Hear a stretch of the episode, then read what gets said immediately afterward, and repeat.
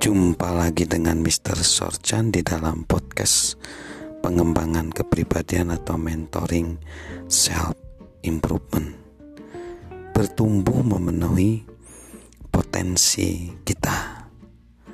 Novelis H.G. Wells menyatakan bahwa kekayaan, kemasyuran, tempat dan kekuasaan bagaimanapun tidak bisa menjadi ukuran kesuksesan satu-satunya ukuran kesuksesan adalah rasio antara keadaan kita sekarang ini dan seperti apa kita kelak. Dengan kata lain, kesuksesan datang sebagai hasil pertumbuhan memenuhi potensi kita. Kita punya potensi yang hampir tak terbatas, tapi hanya segelintir dari kita yang mencoba meraihnya. Mengapa? Jawabannya adalah kita bisa melakukan apa saja, tapi kita tidak bisa melakukan segalanya. Banyak orang membiarkan orang-orang di sekitar mereka memutuskan agenda mereka dalam hidup. Akibatnya, mereka tidak benar-benar mendedikasikan diri mereka untuk tujuan mereka dalam hidup. Mereka menjadi tahu tentang banyak hal, tapi tidak benar-benar ahli di bidang apa pun alih-alih tahu sedikit hal dan berfokus pada salah satunya. Jika itu menggambarkan diri kita lebih dari yang diinginkan, kita mungkin siap untuk mengambil langkah dalam membuat perubahan. Berikut ini empat prinsip yang memandu kita tumbuh mencapai potensi. Satu, konsentrasi pada satu tujuan utama. Tak ada orang yang meraih potensinya dengan cara memecah dirinya ke 20 arah. Meraih potensi membutuhkan fokus. Dua, konsentrasi pada perbaikan berkelanjutan.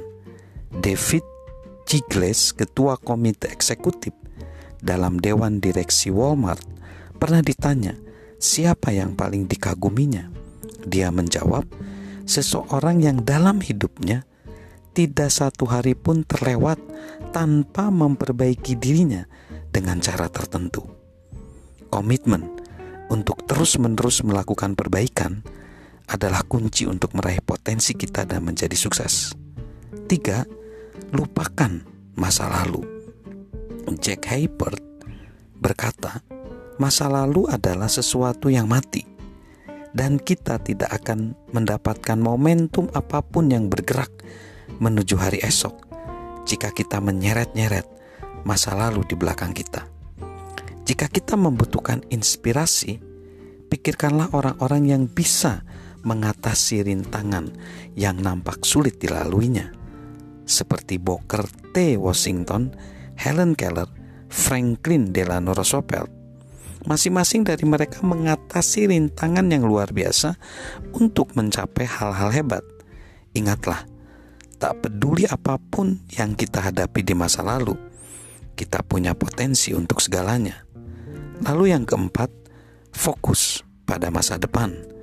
Pemain bisbol yang masuk dalam Hall of Fame, Yogi Berra mengatakan, masa depan bukanlah seperti yang ada saat ini. Meskipun itu benar, masa depan adalah satu-satunya tempat yang kita tuju. Potensi kita ada di depan kita. Apakah kita berusia 8, 18, 48, atau 80 tahun? Kita masih punya ruang untuk memperbaiki diri. Kita bisa menjadi lebih baik esok dibandingkan hari ini. Seperti pepatah Spanyol mengatakan, seseorang yang tidak melihat ke depan tertinggal di belakang. Salam good attitude dari saya, Mr. Sorchan.